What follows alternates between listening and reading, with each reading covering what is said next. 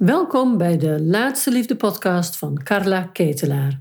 In iedere aflevering geef ik je mijn inzichten en adviezen over waarom het tot nu toe niet gelukt is en wat er nog nodig is, zodat jij ook jouw eindman of eindvrouw in je armen kunt sluiten voor die relatie die je zo graag wilt. De eerste podcast in het nieuwe jaar.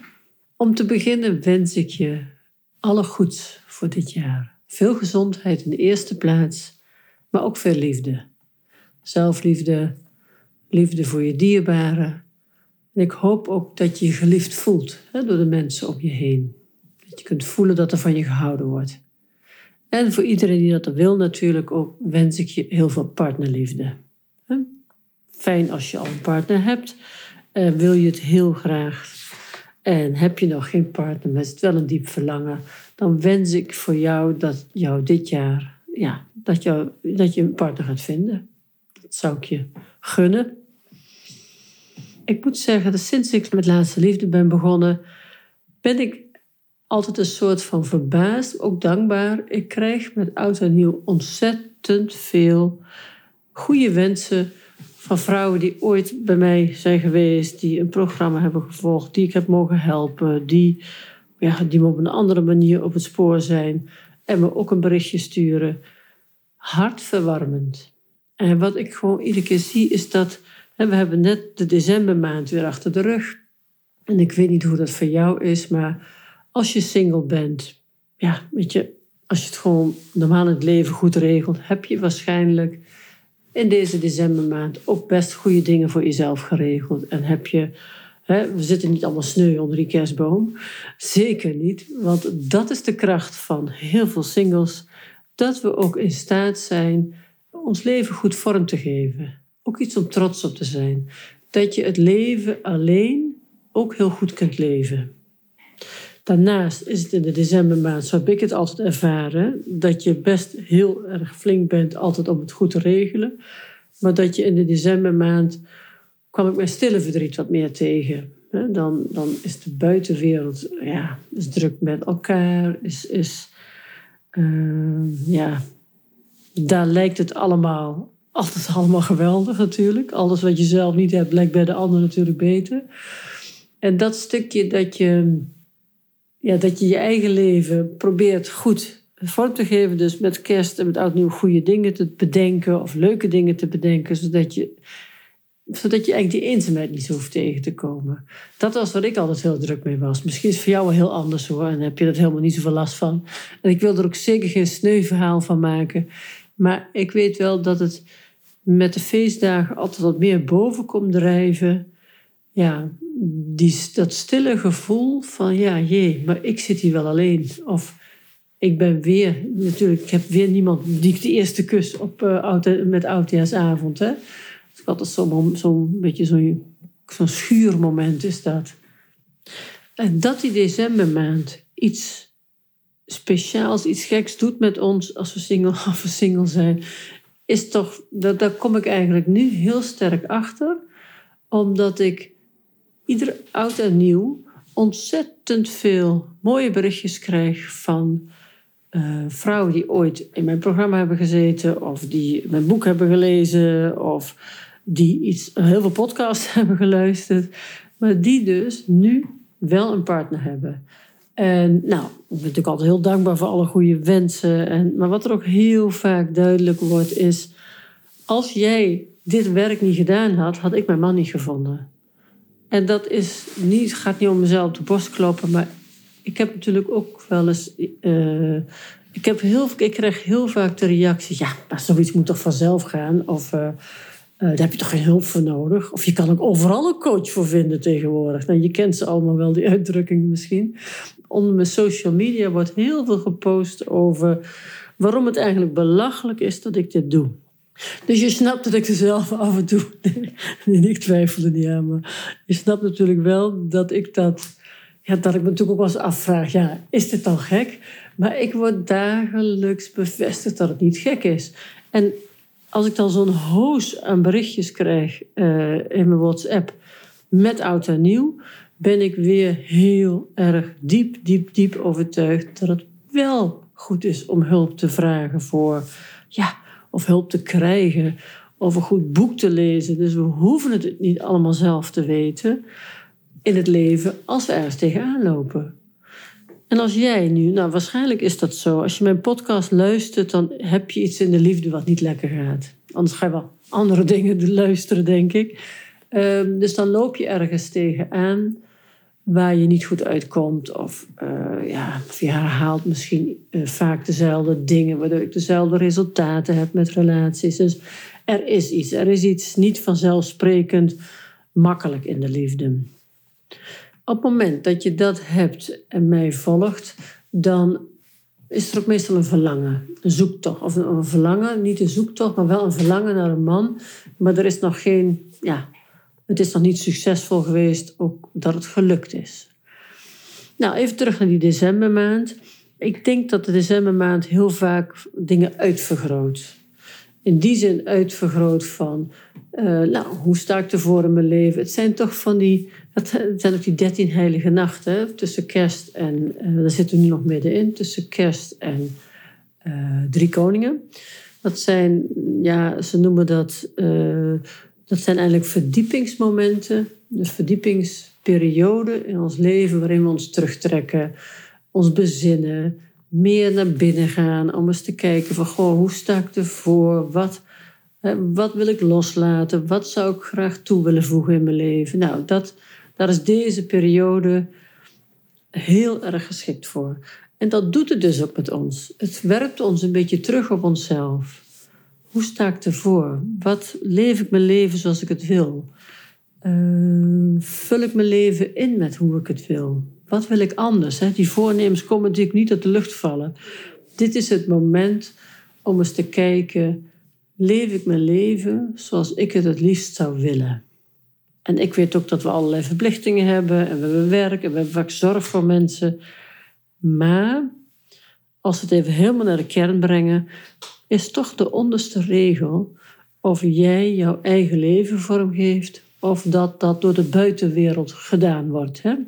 Dus word je door geleefd door je omgeving die van alles van je wil, of stippel je ook voor een groot deel je eigen leven uit?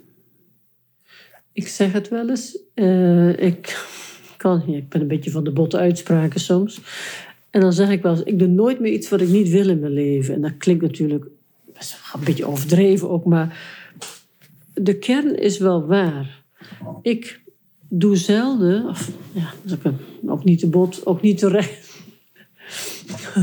ik doe heel weinig meer wat ik niet graag wil.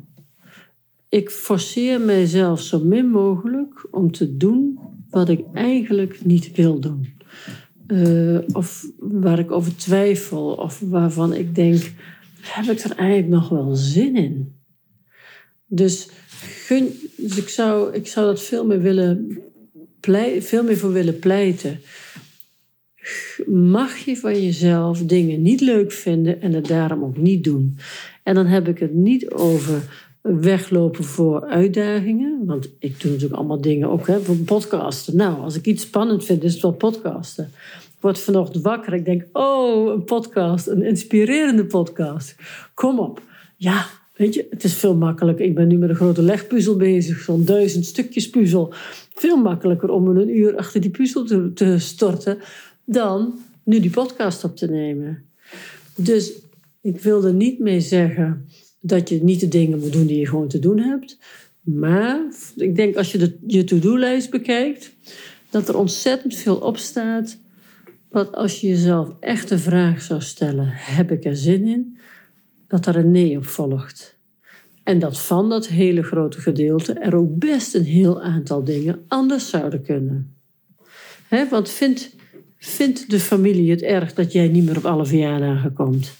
Zitten je kinderen wel te wachten op al jouw goede zorg? jouw enorme betrokkenheid bij jouw vriendin. Ja, ik roep natuurlijk maar een aantal voorbeelden, maar je enorme betrokkenheid met je vriendin. Heb je wel eens gevraagd of ze, dat, of ze ook een andere oplossing heeft uh, voor dat waar jij altijd voor gevraagd wordt? Dus als we werkelijk naar onze to-do-lijst kijken, dan zit daar heel vaak ook van alles op wat we onszelf vertellen dat we moeten. Nou, en dat is als ik zeg van ik doe eigenlijk weinig dingen meer die ik niet leuk vind. Dat is bij alles wat ik doe, overweeg ik toch. Nou ja, weet je, voegt het iets toe in het leven? Voeg ik iets toe in het leven van een ander? Voeg uh, dit iets toe in mijn leven? Maar mijn onderste vraag, mijn laatste vraag is bijna altijd: heb ik er zin in? Nou, je snapt wel, er valt heel veel af. En sommige dingen heb ik gewoon geen zin meer, doe ik ook niet meer. Ja, bijvoorbeeld verjaardagen. Ik ben gestopt al jaren geleden met verjaardagen. Ik ga alleen als ik zin heb. Want dan ben ik ook, uh, ja, hoe moet ik het zeggen? Dan, dan ben ik gewoon met mijn energie, lever ik er ook wat en ben ik fijn aanwezig. Als ik geen zin heb en ik ga toch, dan verhoog je zo'n verjaardagsgevoel niet. Dat is eigenlijk heel jammer om te doen. Dus trouw zijn aan jezelf. Trouw zijn aan mezelf. Jij trouw aan jouzelf. Dat zou ik heel erg gunnen. En als dat past bij het, uh, bij het misschien nog niet hebben van een liefdespartner, en je wilt dat wel graag, daar zit ook een trouw in naar jouzelf. Trouw van neem ik mijn verlangen serieus? Ga ik nu dat in mijn leven proberen te realiseren wat ik heel erg graag wil? En dat is mijn verlangen. En dan komen die stemmetjes weer van ja, maar belachelijk, daar heb je toch hulp voor nodig. Ik vond het ook sneu hoor, dat ik A, op moest en ook hulp ging zoeken. Maar ons, ik ben zo ontzettend blij dat ik het gedaan heb. En dat zit ook in al die berichtjes die je krijgt met oud en nieuw. Al die goede wensen, al die bedankjes. Vrouwen die zeggen, als ik jou niet had leren kennen, had ik mijn partner nu niet gehad. En dat gaat helemaal niet over mij, maar dat gaat over dat ik voel dat de missie die ik aan het uitrollen ben, zoveel mogelijk mensen ja, in goede liefdesrelaties, in gezonde liefdesrelaties, dat dat wel degelijk noodzakelijk is. Het is heel erg noodzakelijk, want we lopen erin vast. En het zijn niet de sneuwe mensen, het zijn de leuke, vlotte, ja, prima mensen die gewoon een leuk leven hebben. Single zijn is niet sneu. Single zijn heeft heel vaak te maken met dingen nog doen op een manier die niet, niet, niet uh, positief werken voor een relatie. Oh, ik drijf weer helemaal af. Niet dat ik een plan had, want dat heb ik met podcasten nooit. Ik wil eigenlijk zoveel vertellen. Ja, even terug naar dat verlangen. Het werkelijk waarmaken van je verlangen. Dat is wat ik gun, dat ik eigenlijk iedereen gun. En niet alleen met oud en nieuw, dat gun ik eigenlijk iedereen iedere dag. Dat je voelt, en dat is voor mij ook altijd een, een opdracht en een uitdaging. Want natuurlijk leef ik ook af en toe als een blinde kip door. Maar het, iedere keer is het ook weer de uitdaging om even stil te staan en te voelen: doe ik nog wat ik het liefste doe? Doe ik nog wat ik het beste kan? Waar geef ik mijn bijdrage aan de wereld? Waar kan ik het verschil maken? En klopt dat nog met mijn privéleven, met mijn persoonlijk leven? En waar zijn mijn verlangens? Wat zou ik heel graag willen? Dus dat je afstemt met jezelf. Wat is nu werkelijk op dit moment wat ik het liefste zou willen? Nou, dat kan natuurlijk van alles zijn. Maar laat ik het even bij de liefde houden. Uh, en waarschijnlijk heb jij ook al heel lang stemmen in jezelf. Je denkt van ja, het is toch sneu dat je er hulp voor nodig hebt. Of belachelijk toch. Uh, dat, is toch dat moet toch vanzelf gaan. Of uh, dat is ook een hele sterke. Nee, ik wil al. Als ik zover ben, komt het wel spontaan op mijn pad. Of, nou ja, en zo zijn er. Ja, je zou mijn social media eens op na moeten lezen, maar er staan heel veel reacties over. Over kritiek, afwijzing, over dat ik hier hulp voor bied. Dat ik een, uh, een pretendeer een oplossing te hebben voor waarom het tot nu toe niet gelukt is. Nou, ik pretendeer niks ik kan alleen maar bogen op alle ja, reacties, successen van alle vrouwen die een partner hebben gevonden. Die zeggen, ja, ik heb zo'n belangrijke uh, switch gemaakt. Ik ben zo anders naar daten gaan kijken. Ik ben zo anders naar de liefde gaan kijken. Ik heb net trouwens al een heel mooi mailtje binnengekregen. Ik ga even kijken of ik die zo snel kan vinden. Dat, is wel heel, dat, dat raakt me ook weer zo. Dat is eigenlijk ook weer zo'n mooi voorbeeld. Ik heb hem. Hier zegt iemand. Oh ja, dat is naar, een ander, dat is naar de vorige podcast. Dus deze krijg ik net binnen. Uh, over de podcast van Natasja, dus uh, aflevering 57. Daar krijg ik deze reactie binnen. Hoi Carla. Dat een totaal onbekend iemand voor mij. Hè? Toch nog even een berichtje van mij. Je kent me niet, maar ik heb twee jaar terug jouw webinar gevolgd, vervolgens je boek gekocht, gelezen, regelmatig podcast beluisterd en ik heb er veel aan gehad. Ik herkende veel en was toen al bezig om op diverse manieren mijn onbewuste ballast op te ruimen. En daar is die dan, zomaar, mijn eindman. Niet via de datingsite, maar gewoon door veel te ondernemen en daardoor nieuwe mensen te ontmoeten. Het grote verschil ten opzichte van de andere twee relaties die ik heb gehad na mijn scheiding is dat ik nu rust, rust en nog eens rust ervaar. Geven en ontvangen zijn in evenwicht. Geen gepieker of afwegingen. Uh, de verbinding is heel rustig vanzelf ontstaan. En hoe kan het ook anders? Het is, niet het is inderdaad niet de man die ik in de eerste instantie voor ogen zou hebben. Sterker nog, ik heb erg getwijfeld. Maar op jouw advies ben ik toch blijven daten met hem. En ja hoor, ik ben gevallen voor zijn persoonlijkheid. Het voelt zeker, vanzelfsprekend, evenwichtig, stabiel en zo rustgevend. Hij is voor mij in alles de mooiste. Ik krijg er zelf een beetje kippenvel van. Ze zegt, en dankjewel voor het delen van al jouw kennis. Het klopt als een bus. Liefs. Nou, en dit is, ja, kreeg ik vanochtend. Dus dan, en toen dacht ik, oh, het klopt. Dit is de podcast die ik wil maken. Ik krijg niet voor niks nu dit berichtje binnen. Wat zij eigenlijk zegt is door jouw advies van anders kijken, niet zo snel aan het begin al zeggen, ja, maar het is mijn man niet. Uh, al die, die, die nadruk leggen op de verschillen. Ga nou gewoon eens even doordaten. Dat is voor haar de eye-opener geweest om het anders te doen. En ze heeft hiermee iets ontdekt wat ze niet ontdekt zou hebben als ze niet had willen leren van iets wat een ander brengt. Ik in dit geval. Ehm, dus voor mij, en, dit soort berichtjes krijg ik dus dagelijks. En uh, ik krijg heel veel reacties over, ook van vrouwen die ik totaal niet ken, boeken hebben gelezen, podcasts hebben geluisterd. Uh, ja, heel veel reacties over dat ze door iets, iets anders, een andere blik hebben, anders zijn gaan kijken. Ehm, dus toch zich open hebben gesteld voor de liefde. En ik kan je zeggen dat dit mij intens gelukkig maakt. Natuurlijk is het mijn werk, maar oh, wat ben ik gelukkig met wat ik doe. Want ik vind het zo, ja, het is denk ik dat ik mezelf zo fijn voel in mijn leven nu. Met die fijne liefde in mijn leven. Een, een, fijn leven samen met liefde. Ja, dat maakt, dat maakt het leven anders voor mij. En dat is voor iedereen die dat ook zou willen. Ja, dus deel ik dat zo graag. Ik wil dat verspreiden. Ik wil dat veel meer mannen en vrouwen toegang hebben tot ja, gewone, gezonde, fijne liefde. En ik heb het ook echt over gezonde liefde. En daar bedoel ik mee precies wat zij hier net zegt. Het voelt rustig, het voelt zeker, geen gepieker. Het, is, het heeft een soort ja, stabiliteit voor haar, dat ze voelt van hé, dit is het dus. Dit is dus gewoon wat er bedoeld wordt.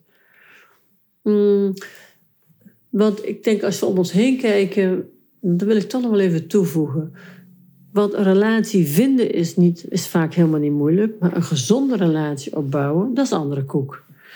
Want kijk maar om je heen. Als ik om me heen kijk, zijn er ook heel veel relaties met wie ik niet zou willen ruilen. Nog liever alleen dan dat. En misschien ken je dat ook wel. Maar laat dat niet de reden zijn om niet te gaan onderzoeken of het voor jou wel kan.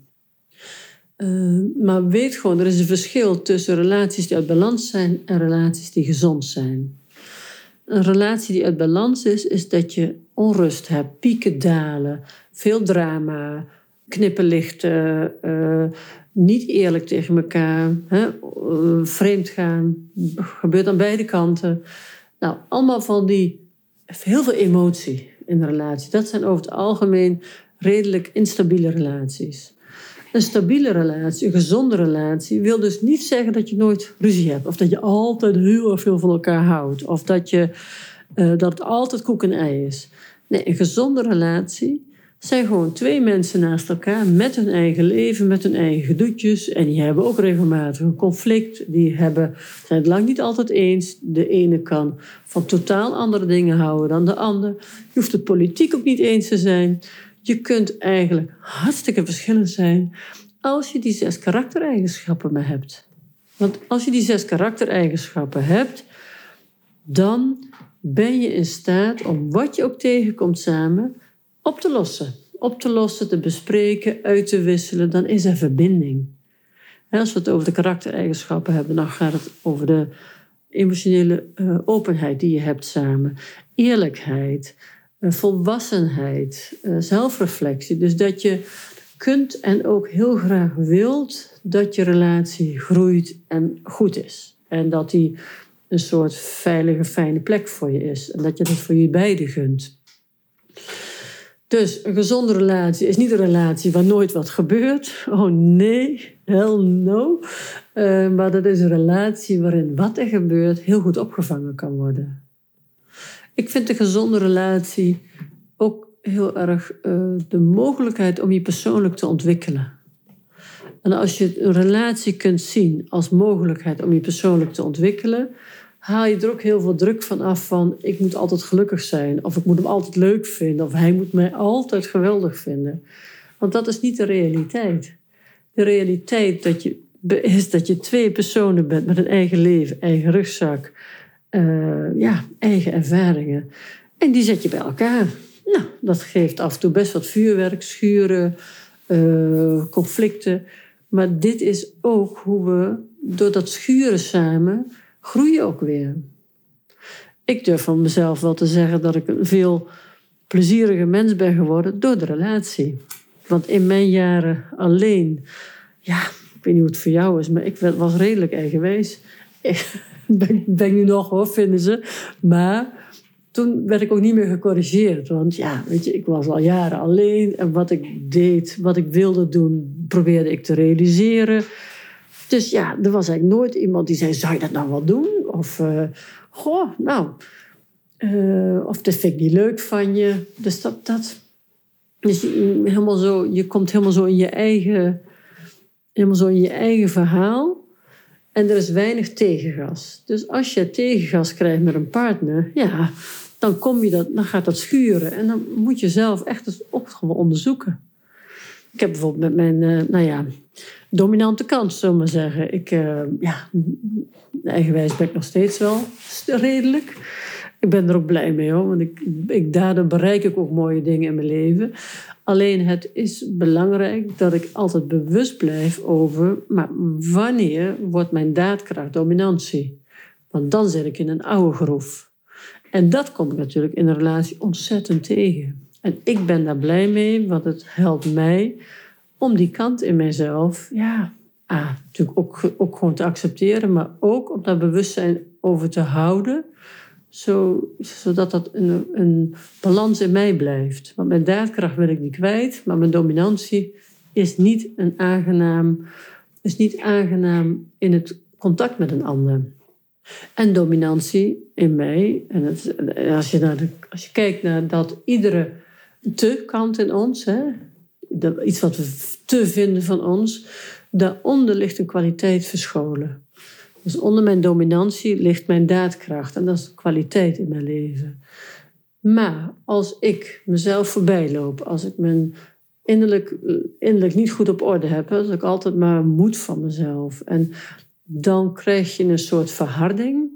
En de verharding van een kwaliteit wordt een overlever.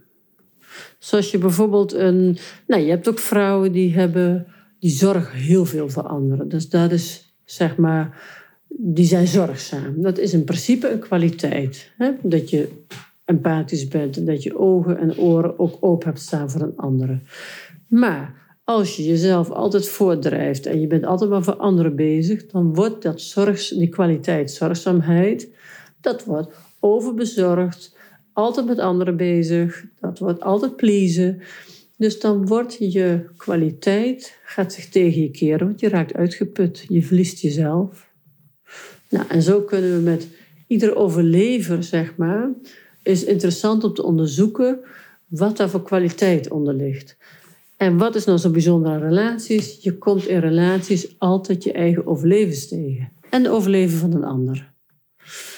Dus wil je een hele groeie, snelle groeispurt maken met persoonlijke ontwikkeling, kan ik je zeker aanraden om ook op zoek te gaan naar een relatie en dan een gezonde relatie. Want overlevens die met elkaar botsen, dat schuurt, daar moet je wat mee in een relatie. Je kunt niet jaar in jaar uit in die overleven blijven zitten. Kan wel, maar dan krijg je een relatie die uit balans is. Dus als mijn partner alles zou slikken van mij, dan werd ik de dominante en hij de underdog. En dan uh, was onze relatie ongezond. Nou, ik heb gelukkig een partner die doet dat niet. Die uh, slaat af en toe met de vuist op tafel. Is het helemaal afgelopen met de gezeur van jou. Of wat anders doet hij. Maar hij meldt zich. En dat maakt dat ik met mezelf aan de slag moet. En andersom ook. Ik zie ook dingen van de ander natuurlijk. En uh, die noem ik ook. Dus, dus we zijn beide zo met onszelf bezig. En in relatie met elkaar. En in mijn ogen is, dit is dat gezond. Dat je uh, elkaar tegenkomt. En dat je dat weer meer naar binnen neemt. Hé, hey, maar wat betekent dit voor mijn leven? Als de ander mij zo tegenkomt. Nou, en zo, ja, dat is een soort. Ja, ik vind dat heel erg mooi aan relaties. Ik zie het om me heen ook mensen eigenlijk ook vaak op die manier bezig zijn en denken: ah ja, dit is de meerwaarde van een gezonde relatie in balans. Lieve mensen, wil je nou? Want, want dit is eigenlijk, als ik het heb over mijn missie, meer liefde de wereld inbrengen, uh, meer mensen die toegang hebben tot gewoon fijne liefdes. Het allemaal niet zo hoogdravend, gewoon een goede, fijne liefde naast je in je leven. Alle vrouwen die ik spreek en ik vraag door, door, door, dan is bijna altijd de mededeling: nee, ik wil eigenlijk gewoon, ik wil eigenlijk gewoon dagdagelijks iemand, iemand om mee te leven. En niet hè, wat we in onze dromen altijd hebben, al die fantastische, spannende toestanden. Heel vaak zijn het eenvoudige, basale wensen om iemand naast je te hebben. En dat is ook wat liefde is. Dat is wat ja, in mijn ogen de wereld beter maakt. Veel mensen die het goed hebben samen. Veel mensen die ja, mooie liefde opbouwen. Uh, ook naar zichzelf willen kijken. Uh, in een gezonde relatie kan het volgens mij niet anders. Dat je ook bereid moet zijn naar jezelf te kijken. Nou, wil jij nou zo'n liefde uh, weet je, en als je dat allemaal niet hebt, helemaal goed. Hè? Als je happy single bent, hartstikke goed. Dan heb je dat voor jezelf goed uitgevoeld. Dan is dat voor jou helemaal oké. Het is niet zo dat iedereen van mij per se een relatie moet. Absoluut niet. Ik ben er voor mensen die het heel graag willen, maar voor wie het nog niet gelukt is. En dat heb ik zelf twaalf jaar meegemaakt. En dat maakt dat ik me hier zo hard van maak. Want ik ken heel erg het verschil. Dus voel jij je er aangesproken dat je zegt: Goh, ik heb echt dat verlangen wel. Ik heb het ook altijd heel raar gevonden om daar hulp voor te vragen. Maar zou je er overheen durven stappen om gewoon eens te kijken: oké, maar stel nou dat ik dat oude idee loslaat. Stel nou dat ik er wel hulp voor zou vragen. Wat zou dat voor jou kunnen betekenen? Wat kan het voor jou betekenen dat jij over een jaar wel met iemand een relatie hebt. Wat doet dat met jouw leven? Wat betekent dat? En durf je dat überhaupt te bedenken, dat dat voor jou ook mogelijk is? Niet alleen verlangen, maar durf, zou je het ook aandurven. Dus wat betekent het oude beeld loslaten van ja, belachelijk om daar hulp voor te zoeken, of belachelijk om me daarin te verdiepen. Het moet toch vanzelf gaan en alleen als het spontaan is, dan telt het mee. Wat als je dat allemaal loslaat en gewoon zegt: Oké, dit vind ik een lastige. En net zoals je voor, hè, als je een baan zoekt, hulp kunt vinden. Als je, ja, je kunt tegenwoordig overal natuurlijk hulp voor vinden. Maar waarom zouden we het overal voor vragen en niet voor de liefde? Want in mijn ogen is liefde dat wat overblijft in het leven als alles wegvalt. Voel je geïnspireerd door wat ik vertelde? En voel jij langzamerhand ook weer jouw verlangen? dat je het eigenlijk ook heel erg graag zou willen. En ik weet dat het bestaat. Ik help vrouwen er dagelijks mee. Ik zie mooie liefdes ontstaan. En als jij nu voelt, ja, misschien wil ik ook wel ja, geholpen worden, of misschien moet ik toch maar eens gaan onderzoeken of ik zelf wat stappen kan zetten. Ik vertel je er heel graag over. Ik doe dat in een gratis webinar. Daarvoor kun je je opgeven via mijn website laatsteliefde.nl. Kijk je bij gratis en dan zie je inschrijven webinar staan. Want geef niet op in de liefde. Het bestaat wel. Ook voor jou. Ik zie je graag.